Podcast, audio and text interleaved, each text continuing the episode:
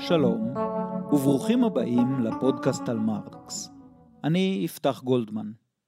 פרק 28, לאן נעלמה הדיקטטורה של הפרולטריון? כן, היום נברר את המושג המאתגר והטעון הזה, הדיקטטורה של הפרולטריון. אבל לפני כן, יש לנו איזה ספיח מן הפרק הקודם, שבו דיברתי בעיקר על רשימת עשרת הצעדים של הממשלה המהפכנית. הרשימה מופיעה לקראת סופו של הפרק השני של המניפסט הקומוניסטי. אני רוצה להגיד כמה מילים על שני הסעיפים האחרונים ברשימה. סעיף 9 אומר כך, ציטוט: ייחוד מפעלי החקלאות והתעשייה, פעולה לביטול מדורג של הניגוד בין העיר לכפר. סוף ציטוט. במבט ראשון הסעיף הזה מוזר. איך זה קשור לנושא? לקפיטליזם, לפרולטריון, לביטול הבעלות הפרטית על אמצעי הייצור וכן הלאה. אבל שאלת הניגוד שבין העיר והכפר ופתרון הניגוד הזה העסיקה רבות את הסוציאליסטים של המאה ה-19 ולאמיתו של דבר הסעיף הזה מן המניפסט הוא אחד החלקים של המניפסט שהם אקטואליים לחלוטין ולא מצריכים שום תיקון או עדכון אלא רק יישום. אתם זוכרים את הטיוטה לעקרונות הקומוניזם שכתב אנגלס חודשים ספורים לפני כתיבת המניפסט הקומוניסטי? כאן היא באה שוב לעזרנו, משום שבנושא שעליו אנחנו מדברים כעת, היא מרחיבה את הנוסח החסכני שבמניפסט. אנגלס כתב, ציטוט, הקמה על קרקע ציבורית של ארמונות גדולים שישמשו כמשכנות שיתופיים עבור אגודות של אזרחים שישלבו בעבודתם תעשייה וחקלאות וישלבו באורחות חייהם את היתרונות של התנאים האורבניים ואלה הכפריים. אגב, הימנעות מן החסרונות והחד צדדיות של כל אחת מצורות החיים הללו בנפרד. סוף ציטוט. הבעיה שאנגלס מנסה לפתור כאן, אם להציג אותה בקיצור נמרץ, היא זו. אורח החיים הכפרי הוא בריא וקרוב לטבע. אבל הכפר האירופי הוא מיושן, מוגבל, אפילו פרימיטיבי, והעיקר האירופי הוא פעמים רבות, איך נגיד, קצת מטומטם. לעומת הכפר, העיר היא תוססת, מודרנית, מעודכנת ומשכילה. אבל הפרולטריון העירוני חי בתנאי דיור עלובים ומזיקים לבריאות.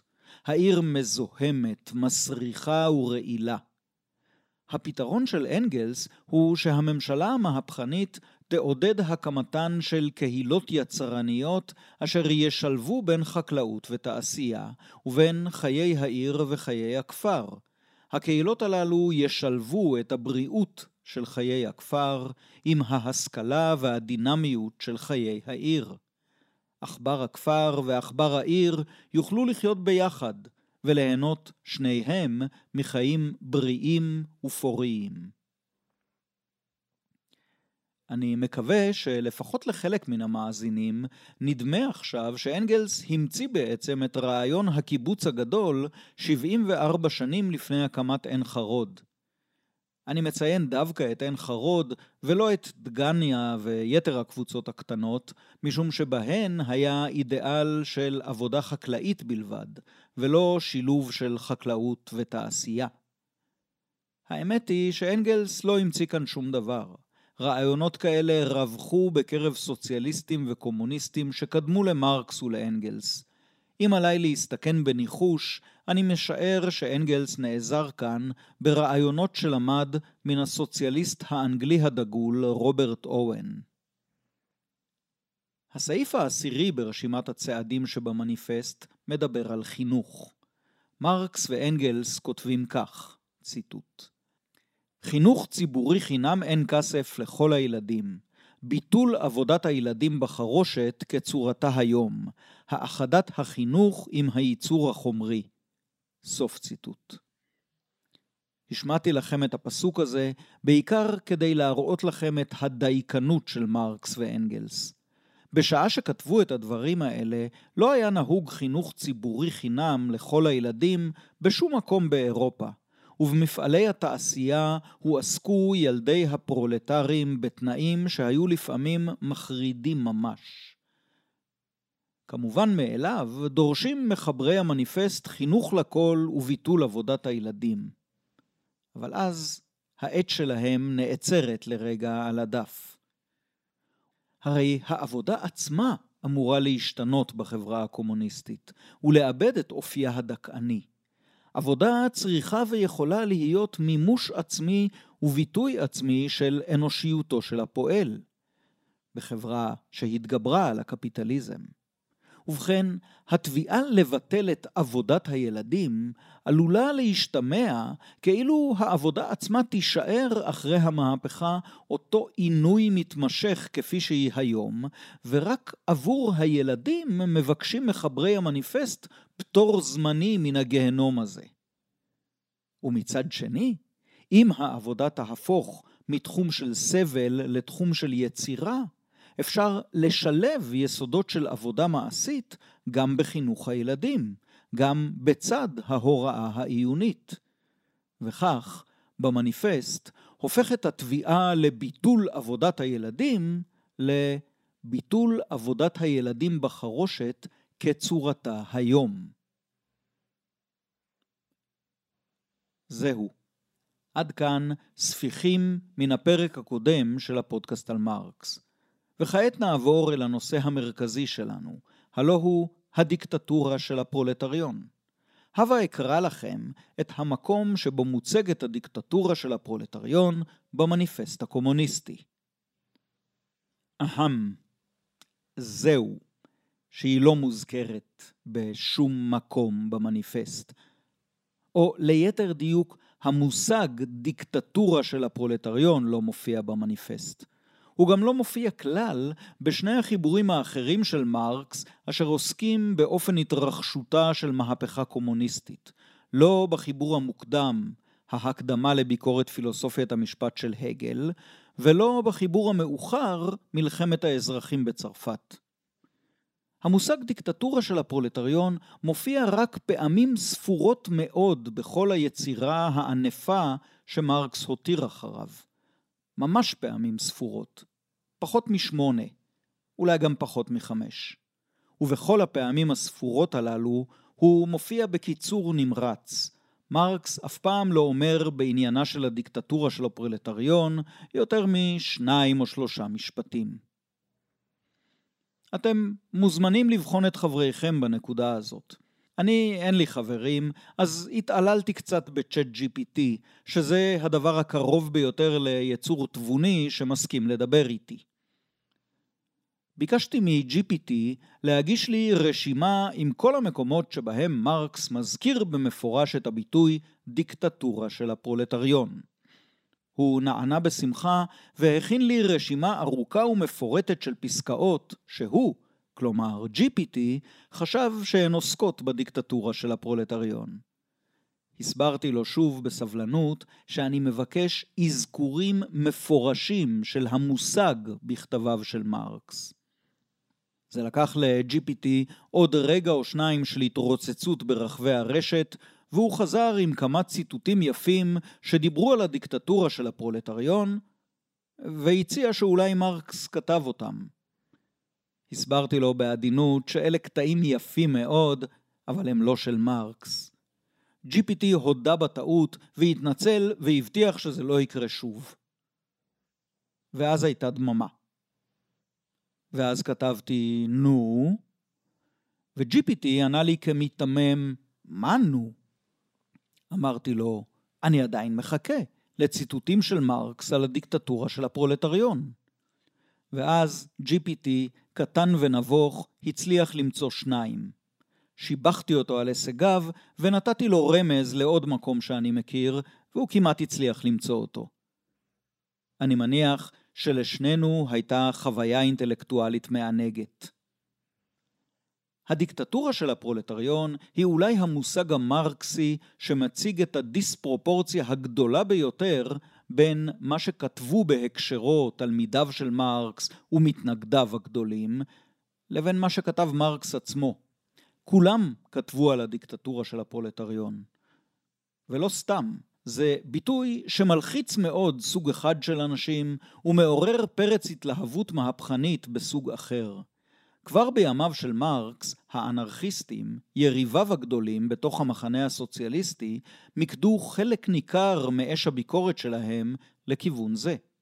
הבולשביקים, שכבשו את המהפכה הרוסית ואת רוסיה עצמה, הפכו את הדיקטטורה של הפרולטריון ליסוד מרכזי בתיאוריה שלהם.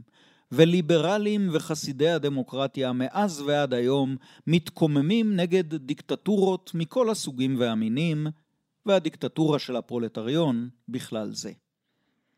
כאמור, כולם דיברו על הדיקטטורה של הפרולטריון.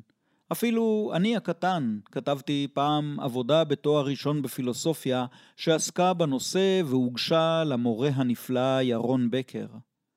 כולם דיברו וכולם כתבו על הדיקטטורה של הפרולטריון. חוץ ממרקס, שכמעט אף פעם לא כתב עליה. אתם אה, מזהים בוודאי שלפרק הזה של הפודקאסט על מרקס מתלווה נימה אפולוגטית. בחשבון אחרון נדמה לי שמדובר כאן באי הבנה, הן באשר לחשיבותו של המושג והן באשר למשמעותו. לא סתם אי הבנה, מגה אי הבנה. ואותה אנסה לתקן כעת. אבהיר מיד אין לי שום כוונה לנחמד את מרקס או לעשותו נוח יותר לעיכול עבור קיבות ליברליות עדינות. אני פשוט מנסה לעמוד במשימה שנטלתי על עצמי כשהתחלתי לשדר את הפודקאסט על מרקס. להסביר כמיטב יכולתי את תורתו של מרקס, לאחר שהשתדלתי בעצמי להבין כמיטב יכולתי את משנתו. כדי להתחיל בהסבר, אקרא באוזניכם אחת מן הפסקאות היותר ארוכות שבהן מופיעה הדיקטטורה של הפרולטריון במפורש בדבריו של מרקס. לפסקה הזאת יש גם יתרון נוסף. היא נכתבה חמש שנים בלבד לפני מותו של מרקס, כך שאין מקום לספק שהיא משקפת את הגותו במלוא הבשלתה ופיתוחה. הפסקה לקוחה ממסמך שנקרא ביקורת מצע גותה או ביקורת תוכנית גותה, תלוי בתרגום. אני אדבר יותר על המסמך הזה בפרק הבא של הפודקאסט על מרקס, אז לפי שעה אשאיר אתכם בלי הקשר כללי. עם זאת, חשוב שתדעו שההקשר הספציפי של הדיון כאן הוא שאלת מראה דמותה של המדינה בעתיד שלאחר המהפכה הקומוניסטית. וכך כותב מרקס, ציטוט: נשאלת השאלה, מה תמורה תחול בעניין המדינה בחברה הקומוניסטית? לשון אחר, מהם התפקודים החברתיים הדומים לתפקודים הממלכתיים בימינו, אשר עוד יישמרו באותה שעה? על שאלה זאת אפשר להשיב רק תשובה מדעית. אפילו נזווג 77 את המילים עם ומדינה, לא נתקרב לפתרון הבעיה אף כמלוא הנימה. בין החברה הקפיטליסטית לחברה הקומוניסטית משתרעת תקופת גלגולה המהפכני של החברה האחת בחברה השנייה. תקופה זו תואמת לה גם תקופת מעבר פוליטית, שמדינתה לא תוכל להיות אלא הדיקטטורה המהפכנית של הפרולטריון. סוף ציטוט. מה למדנו כאן? ראשית, שאכן קיימת שאלה אילו מתפקידי המדינה יישארו על מכונם גם בחברה הקומוניסטית שלעתיד לבוא. שנית, שעל השאלה הזאת צריך לענות באופן מדעי. וכשמרקס אומר כאן באופן מדעי, הוא מתכוון בעצם ל"באופן רציני ואחראי", להבדיל מהפרחת סיסמאות על מדינת העם או עם המדינה או מדינת עם המדינה וכדומה. שלישית, שלכל התפתחות של היחסים החברתיים יש צורת מדינה או צורות מדינה המתאימות לה. רביעית, שהחברה הקומוניסטית נמצאת כיעד בסוף התהליך המהפכני ולא בראשיתו. חמישית, שבין החברה הקפיטליסטית של ההווה ובין החברה הקומוניסטית של העתיד, תהיה מן הסתם תקופת מעבר, עד שתושלם המטמורפוזה החברתית. שישית, שלתקופת המעבר החברתית תואמת גם תקופת מעבר פוליטית, או צורת מדינה מיוחדת, זוהי צורה זמנית וחולפת, משום שכאמור היא מדינה של תקופת מעבר, ומשום שהיא מדינה של תקופת מעבר, היא תאופיין מן הסתם במאפיינים ישנים וחדשים, או מסורתיים ומהפכניים שישמשו בערבוביה. ושביעית, שלמדינת המעבר הזמנית הזאת קוראים הדיקטטורה המהפכנית של הפרולטריון. התובנות הללו מתאימות מאוד למה שכתבו מרקס ואנגלס כמעט 30 שנה קודם לכן במניפסט הקומוניסטי. גם שם, אתם זוכרים, מתואר תהליך מהפכני שבו הפרולטריון המאורגן זוכה בקרב על הדמוקרטיה, ואז אוחז במנגנון המדינה כדי ליישם באמצעותו שורה של צעדים מהפכניים, שאינם בשום אופן סופה של מהפכה, אלא תחילתה בלבד. בין הצעדים הללו ראינו למשל הטלת מס פרוגרסיבי גבוה, מונופול ממשלתי על האשראי לתעשייה, חינוך חינם לכל הילדים ועוד כמה עניינים. עכשיו, אתם אולי שואלים, אז זה כל העניין? ממשלה מהפכנית זמנית שנבחרת באופן דמוקרטי ומוציאה לפועל שורה של צעדי מדיניות לקידום הסוציאליזם? אז אם ככה, למה בכלל לקרוא לזה דיקטטורה? עוד מעט נראה שזה לא כל כך פשוט. אבל בתור התחלה, אני חייב לומר בגלוי שמרקס היה עושה לי טובה גדולה, לי ולמורי מרקס רבים אחרים, אם לא היה בוחר להשתמש בביטוי הזה דווקא. ומצד שני, אני שב ומזכיר שהוא כמעט ולא השתמש בו. ובעיקר, אנחנו צריכים לשאול את עצמנו מה הבינו מרקס ובני דורו במילה דיקטטורה. כי זה לא בדיוק מה שאנחנו מבינים במילה הזאת, אם כי כמובן זה לא לגמרי שונה. מרקס, ובעיקר מרקס הצעיר, כמו רבים מקרב המהפכנים בני דורו, שאב חלק גדול מן הלקסיקון המהפכני שלו מן המהפכה הצרפתית הגדולה. והמהפכה הצרפתית הגדולה שאבה חלק גדול מן הלקסיקון שלה מרומא הקדומה, ובפרט מרומא של תקופת הרפובליקה. זהו גם המקור למילה דיקטטור. ברפובליקה הרומית, דיקטטור היה אזרח הרפובליקה שקיבל מהסנאט הרומי סמכויות חירום לעת חירום. בדרך כלל מדובר היה בשעת חירום צבאית, ותפקיד הדיקטטור היה בעל אופי צבאי. אבל הסמכות שלו לא הייתה מוגבלת רק לתחום הפיקוד הצבאי. למעשה, בעת מינויו של דיקטטור, הסנאט הרומי השעה את עצמו, והעביר את סמכויותיו לשליט יחיד. אבל זה היה מינוי זמני, תקנה לשעת חירום, והמינוי היה קצוב בזמן, כמו כן, ברגע שחלפה שעת החירום, סמכותו של הדיקטטור פקעה, או לפחות אמורה הייתה לפקוע, גם אם טרם מלאה התקופה שנקבעה.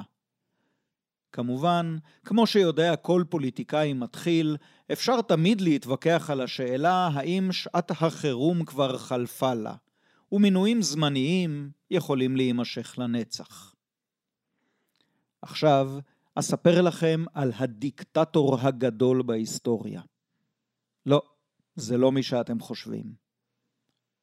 לא, גם זה לא. רוצים לנחש עוד פעם? לא, שוב טעיתם. הדיקטטור הגדול בהיסטוריה הוא אזרח רומאי, ספק דמות היסטורית, ספק מיתולוגית, בשם לוקיוס קווינטוס קינקינטוס. הוא מונה לדיקטטור בשנת 458 לפני הספירה, ואני מספר לכם את הסיפור שלו משתי סיבות. כשהייתי סטודנט לתואר ראשון בהיסטוריה, הסיפור הזה ריגש אותי עד דמעות. אבל מה שחשוב יותר, הסיפור ממחיש בצורה הטובה ביותר את משמעות המושג דיקטטור עבור הרומאים. ובכן, בימים ההם רומא עוד לא הייתה אימפריה. היא הייתה עיר בינונית על גדות נהר הטיבר, מוקפת בטריטוריה חקלאית לא גדולה במיוחד, שגבלה בטריטוריות של ערים שכנות. הרומאים ושכניהם התקוטטו זה עם זה, פלשו זה לשטחו של זה, גנבו בקר ונלחמו. קטטה אחת כזאת התפתחה לכדי משבר לאומי כשהצבא הרומאי כולו נלכד במצור. רק חמישה פרשים הצליחו לפרוץ את טבעת הכיתור ודהרו אל העיר לספר לסנאט הרומי שמצב העניינים נואש. לוקיוס קווינטוס קינקינטוס, גיבור סיפורנו, היה גדול הרומאים של אותו דור. אבל באותה שעה הוא לא מילא כל תפקיד ציבורי. הוא אפילו לא היה בעיר. הוא עסק בחריש, בחלקת השדה הקטנה שלו, מצידו השני של הטיבר. כשהרים את ראשו לרגע מן המחרשה, ראה את שליחי הסנאט ממהרים לעברו. הם סיפרו לו על האסון וביקשו ממנו בשם הסנאט והעם הרומאי לקבל את משרת הדיקטטור לשישה חודשים. לוקיוס עזב את המחרשה, נפרד מאשתו והלך אל העיר. הוא גייס בן לילה צבא חדש והצעיד אותו לעבר האויב. אויביה של רומא, שמצאו עצמם לכודים בין הצבא הרומאי הנצור מזה והצבא של לוקיוס קינקינטוס מזה, נכנעו מיד. לוקיוס קווינטוס קינקינטוס חזר אל העיר עטור ניצחון, ולאחר שהסדיר עוד כמה עניינים דחופים הקשורים במצב החירום, הסיר מעליו את סמלי השררה, חזר אל חלקת השדה שלו והמשיך בחריש. בדיוק מן הנקודה שבה נעצרה המחרשה שלו כשבאו לקרוא לו. בתוך שישה עשר יום בלבד הוא הפך מעיקר לדיקטטור, ומדיקטטור שוב לעיקר. תודו שזה סיפור גדול, ולא רק אני חושב כך. אלה מכם שאינם משוגעים על היסטוריה עתיקה, אולי לא שמעתם על קינקינטוס מימיכם, אבל אם תבטאו את שמו בצורה קצת שונה, מיד הוא יהיה מוכר לכם. אתם מבינים? בלטינית כותבים קינקינטוס באות C, בעצם פעמיים C, וזו אות שיש צורות רבות ושונות לבטא אותה. לפעמים כמו כף דגושה, כך כנראה ביטאו אותה הרומאים, לפעמים כמו צדי. באנגלית מבטאים את האות הזאת כמו כף דגושה, אלא אם כן באות אחריה אותיות הניקוד E או I. במקרים כאלה מבטאים C כסמך. וזה בדיוק המקרה של קינקינטוס, שבאנגלית קוראים לו סינסינטוס. כן, מתיישביה הראשונים של העיר סינסינטי באוהיו כל כך אהבו את הסיפור הזה, שהם קראו לעירם על שמו של הגיבור הרומאי. למה אני אומר שקינקינטוס או סינסינטוס הוא הדיקטטור הגדול בהיסטוריה? משום שהוא שימש עבור הרומאים דוגמה ומופת של דיקטטור, הדיקטטור המושלם. ומכיוון שהם המציאו את המושג, מגיעות להם זכויות יוצרים והזכות להגדיר את משמעותו המקורית. משמעות זו מתגלמת בדמותו של לוקיוס קווינטוס קינקינטוס, שליט יחיד בעל סמכות בלתי מבוקרת, המגויס בשעת חירום ולתקופה קבועה מראש, וסמכויותיו המיוחדות פוקעות בסוף התקופה או בסוף מצב החירום, מה שבא קודם. מן הרומאים התגלגל המושג דיקטטור אל המהפכנים של המהפכה הצרפתית, ומהם כאמור אל מרקס. והדבר העיקרי שמרקס ציין במושג זה הוא הזמניות שלו, היותו אמצעי דרמטי וקצר מועד העתיד להתבטל או לבטל את עצמו. הנה כך כותב מרקס בחיבור אחר, מוקדם בהרבה, ציטוט: סוציאליזם זה הוא ההכרזה על התמדת המהפכה, הדיקטטורה המעמדית של הפרולטריון כנקודת מעבר הכרחית לביטול ההבדלים המעמדיים בכלל, לביטול כל יחסי הייצור שעליהם מבוססים הבדלים אלה, לביטול כל היחסים החברתיים המתאימים ליחסי ייצור אלה, להפיכה בכל האידאות הנובעות מיחסים חברתיים אלה. סוף ציטוט. הדיקטטורה המהפכנית של הפרולטריון מכוונת ליצירת התנאים של חברה חדשה, חברה חופשית מניצול ומדיכוי. זוהי תצורה פוליטית המקדמת את האינטרסים של הפרולטריון, ומתוך כך גם את האינטרסים החברתיים הכלליים. האינטרסים של הפרולטריון הם ביטול הבעלות הפרטית על אמצעי הייצור, ביטול העבודה השכירה, החלפת התחרות בשותפות או התאגדות, החלפת האנטגוניזם החברתי בסולידריות חברתית. הדיקטטורה של הפרולטריון מתניעה ומכוונת תהליכים כלכליים, חברתיים ופוליטיים אל עבר היעד הזה. מטבע הדברים, השגת היעדים הללו, או אפילו התקדמות משמעותית לעברם, משמעותה, בין השאר, ביטול הדיקטטורה של הפרולטריון. הדיון שלנו מסתובב סביב למושג דיקטטורה. בואו נפנה מבטנו רגע אל החלק השני של הביטוי, אל המילים של הפרולטריון. מרקס מדגיש שוב ושוב שהממשלה המהפכנית תהיה ממשלה של מעמד הפועלים, כלומר דיקטטורה של מעמד, לא של אדם יחיד או קבוצה מצומצמת. עוד בימי חייו של מרקס הופנתה נגדו ביקורת חריפה מצידם של האנרכיסטים, ובראשם מיכאל בקונין, כאילו מבקש מרקס להחליף את המדינה הקיימת, הבורגנית, במדינה קומוניסטית לכאורה, שבראשה יעמדו קומץ פילוסופים ואנשי מדע שיכתיבו וינהלו את כל החיים החברתיים, הכלכליים והתרבותיים. אפשר לטעון טענה כזאת, וכאמור היא אף נטענה. אפשר אפילו להאמין בה, אבל קשה מאוד להביא לה סימוכין מן הטקסט. להפך, כמעט בכל המקומות שבהם מרקס נדרש לעניין זה, הוא מדגיש שהממשלה המהפכנית צריכה להיות ממשלתו של העם המהפכני. יתר על כן, לשיטתו של מרקס, כיוון שהפרולטריון הוא הרוב הגדול של בני החברה, הרי שהממשלה שלו, או בלשון הדיון שלנו בפרק זה, הדיקטטורה שלו, תהיה דיקטטורה של הרוב המכריע של החברה. זה שוב מחדד את השאלה, מדוע לקרוא לכך דיקטטורה? אבל זה גם מכוון את תשומת ליבנו לשני עניינים נוספים. ראשית, מבקריו האנרכיסטים של מרקס שאלו בלעג, כיצד ייתכן שהפרולטריון כולו ישלוט במדינה? מאות אלפים ומיליונים של אנשים יכולים לשלוט ביחד? ודאי שזה לא אפשרי. על כך מרקס יכול היה להשיב להם, ואף השיב, אם כי לאו דווקא במישרין, שהמדינה הבורגנית הקיימת היא דיקטטורה של הבורגנות. האם פירוש הדבר הוא שכל הבורגנות מושלת במדינה? ודאי שלא. אלא שהשלטון מורכב מנציגי הבורגנות ומקדם את האינטרסים של הבורגנות.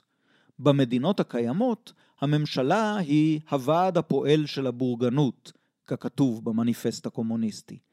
בדיקטטורה של הפרולטריון, וזה לא כתוב שם, הממשלה תהיה הוועד הפועל של הפרולטריון. אבל רגע, בימים שבהם מרקס כתב את חיבוריו המהפכניים, מאמצע שנות ה-40 ועד נניח לשנות ה-70 של המאה ה-19, הטענה שהפרולטריון העירוני מהווה את הרוב העצום של בני החברה, פשוט לא הייתה נכונה.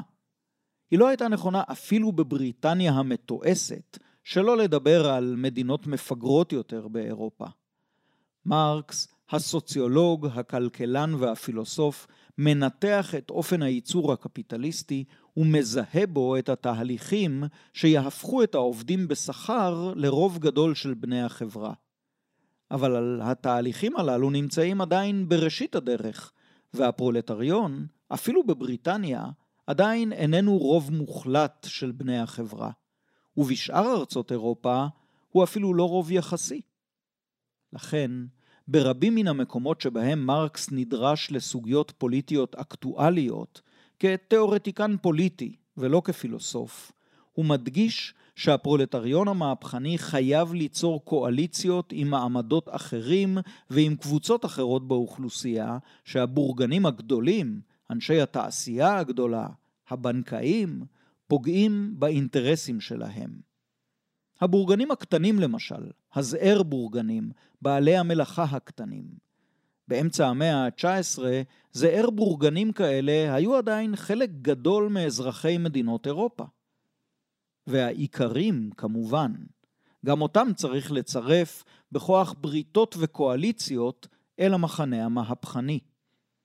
להבנתי, זו לא רק המלצה טקטית, אלא גם עמדה עקרונית. רק כך, מכוחן של בריתות כאלה, המחנה המהפכני באמת יהיה מחנה של הרוב, וישרת את האינטרסים של הרוב. גם האיכרים והבורגנים הקטנים יהיו אפוא חלק מן הציבור העומד מאחורי הדיקטטורה של הפרולטריון, והדיקטטורה של הפרולטריון תשרת גם את האינטרסים המיידיים של קבוצות אלה. את הדברים האחרונים אפשר לומר גם באופן כללי יותר. מרקס תמיד שאף לכינון של קואליציות רחבות ובריתות בין מעמדיות של כל נפגעי הבורגנות. מה שיצריך כמובן מאליו גם פשרות וויתורים. גם בעניין זה בולט מאוד לעין ההבדל שבין שיטתו המרקסיסטית של לנין לבין עמדותיו של מרקס עצמו. אמנם יש להדגיש שכאשר אני מציג את מרקס כאיש הקואליציות הרחבות, הפשרות והוויתורים, אני מדבר בעיקר על מרקס התאורטיקן. מרקס האדם לא היה איש פשרות. הוא היה נוח לכעוס ונוח לריב, ואולי משום כך מרקס לא היה מנהיג חשוב של תנועת הפועלים או של הסוציאליזם. כן, אני יודע שזה נשמע מוזר ולכן אומר זאת שוב. מרקס לא היה מנהיג חשוב של תנועת הפועלים או של הסוציאליזם. הוא כן היה תיאורטיקן חשוב של תנועת הפועלים ושל הסוציאליזם, תיאורטיקן מאוד חשוב, התיאורטיקן החשוב ביותר. ובמקומות מסוימים היו התנגשויות בין התיאוריה שלו לבין אופיו כאדם פרטי. אבל אם לומר את האמת, אופיו של מרקס כאדם פרטי נראה לי עניין די חסר חשיבות. מרקס מת לפני 140 שנים. אם אתם רוצים להציע לו חברות, ובכן, לצערי זה בלתי אפשרי. ואם אתם רוצים להתקוטט איתו בפייסבוק, ובכן, גם לזה איחרתם את המועד. ושוב, אנחנו חוזרים אל המילה המטרידה הזאת, דיקטטורה. נדמה לי שלאחר כל מה שנאמר כאן, כבר אפשר להשתכנע שהממשלה המהפכנית העתידית, המתוארת לקראת סוף הפרק השני של המניפסט הקומוניסטי, היא-היא הדיקטטורה של הפרולטריון. למרות שכאמור, המושג עצמו לא כתוב במניפסט. אבל כן כתוב במניפסט שהממשלה המהפכנית תחולל צעדים אשר יהיו, ציטוט, התערבות עריצה בזכות הקניין וביחסי הייצור הבורגניים. מספיק דיקטטורי בשבילכם. המילה המקורית בגרמנית היא דשפוטישר, דספוטיק באנגלית, כלומר התערבות דספוטית. זה צריך להספיק. זוכרים את הטיוטה שכתב אנגלס לפני כתיבת המניפסט? שם כתובים בין השאר הדברים המפורשים הבאים, ציטוט: מה יהיה מהלכה של המהפכה? היא תכונן ראשית לכל חוקה דמוקרטית, אשר תקנה לפרולטריון דומיננטיות באופן ישיר או עקיף. באופן ישיר באנגליה, שם הפרולטריון הוא כבר רוב בני החברה. באופן עקיף בצרפת ובגרמניה, ששם רוב העם מורכב לא רק מן הפרולטרים, אלא גם מן האיכרים הקטנים והזעיר בורגנים. וזה רק חלק מן ההתחייבויות לדמוקרטיה שבדבריו של אנגלס שם. אבל חודשיים או שלושה אחר כך נכתב המניפסט הקומוניסטי. שם נדחסה כל המחויבות לדמוקרטיה בפסוק קצר אחד, שגם אותו אפשר לפרש בצורה עקומה. ציטוט: הצעד הראשון במהפכת הפועלים הוא עילוי הפרולטריון למעמד שליט, כיבוש הדמוקרטיה. סוף ציטוט. מדוע מרקס ואנגלס לא כתבו במניפסט הקומוניסטי במפורש את הביטוי הדיקטטורה של הפרולטריון בהתייחס לממשלה המהפכנית שתיארו? ומדוע מצד שני לא פירטו והדגישו יותר את אופייה הדמוקרטי של הממשלה המהפכנית? התשובה הטובה ביותר היא שאין לי לכך תשובה טובה. תמיד יש יותר מסיבה אפשרית אחת מדוע לכתוב משהו, אבל יש הרבה יותר סיבות אפשריות, אין ספור סיבות אפשריות, מדוע לא לכתוב משהו. אני מעז להסתכן בניחוש, שמרקס ואנגלס, כאשר עמלו על כתיבת המניפסט, פשוט לא חשבו שזה כל כך חשוב. הם היו שניהם רפובליקנים בלב ונפש, ובמונחי הימים ההם, רפובליקני שווה דמוקרטי. אני יודע שזה עלול לבלבל מאזינים ממוצא אמריקאי. הם דרשו יישום מיידי של זכות הבחירה הכללית לכל האזרחים. הם לא הסתפקו בכך, ושאפו להרחיב את הדמוקרטיה ממרכזי הניהול הפוליטיים של המדינה ולהפיץ אותה אל חיי היומיום האנושיים והאזרחיים, ובעיקר אל חיי העבודה של האנשים. אבל הם לא יכלו לדעת בסוף 1847 כיצד תתנהל לה המאה ה-20, ואילו שאלות בדיוק יהיה לנו דחוף מאוד לברר בראשית העשור השלישי של המאה ה-21. המניפסט הקומוניסטי הוא יצירה אדירה ובעלת מעוף, אך הוא נכתב בזמן מסוים ועבור בניו של זמן מסוים. העובדה שהטקסט הזה עדיין רלוונטי לימינו היא עדות לגדולתו. העובדה שיש בו דברים שאינם רלוונטיים לנו, ומקומות שבהם הכותבים מקמצים במילים דווקא כשאנחנו מבקשים שירחיבו, היא עדות לכך שהמניפסט נכתב על ידי בני אדם, ולא נאמר למשה על הר סיני ישירות מפי הגבורה. לפני שניפרד מן הנושא הזה, אני רוצה להציע בזהירות עוד רעיון אשר אולי יכול להסביר לנו מדוע נמנע מרקס מלקרוא לדיקטטורה של הפרולטריון בשם המתאים יותר דמוקרטיה של הפרולטריון. ייתכן שההסבר נעוץ במשמעות מיוחדת שמייחס מרקס למושג דמוקרטיה. אנחנו רגילים לחשוב על דמוקרטיה כעל צורת שלטון, או כעל צורת מדינה. אבל מרקס ראה בה משהו עמוק הרבה יותר. הוויה של חירות, שותפות וסולידריות. הוויה שכבר איננה הוויה פוליטית, לפחות במובן מסוים. בדברים אלה אני סוגר מעגל גדול מאוד שפתחתי בפרק השישה עשר של הפודקאסט על מרקס. אילו ידעתי אז שיעברו 12 פרקים עד שאסגור את המעגל, אולי הייתי מתכנן את הדברים אחרת. מכל מקום, בפרק השישה עשר התחלנו את הדיון בתורת המדינה של מרקס בעזרת ציטוט מאחד מכתביו המוקדמים ביותר, חיבור שנכתב בשנת 1844.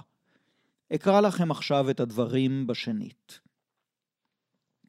המהפכה בכלל, כלומר מיגור השלטון הקיים ופירוק היחסים הישנים, היא מעשה פוליטי. אולם הסוציאליזם אינו יכול להתממש ללא מהפכה. הוא זקוק למעשה פוליטי זה ככל שהוא זקוק להרס ולפירוק. אבל במקום שבו מתחילה פעילותו המארגנת, במקום שבו מתגלה תכליתו העצמית, נשמתו, שם משיל מעליו הסוציאליזם את המעטה הפוליטי שלו. סוף ציטוט.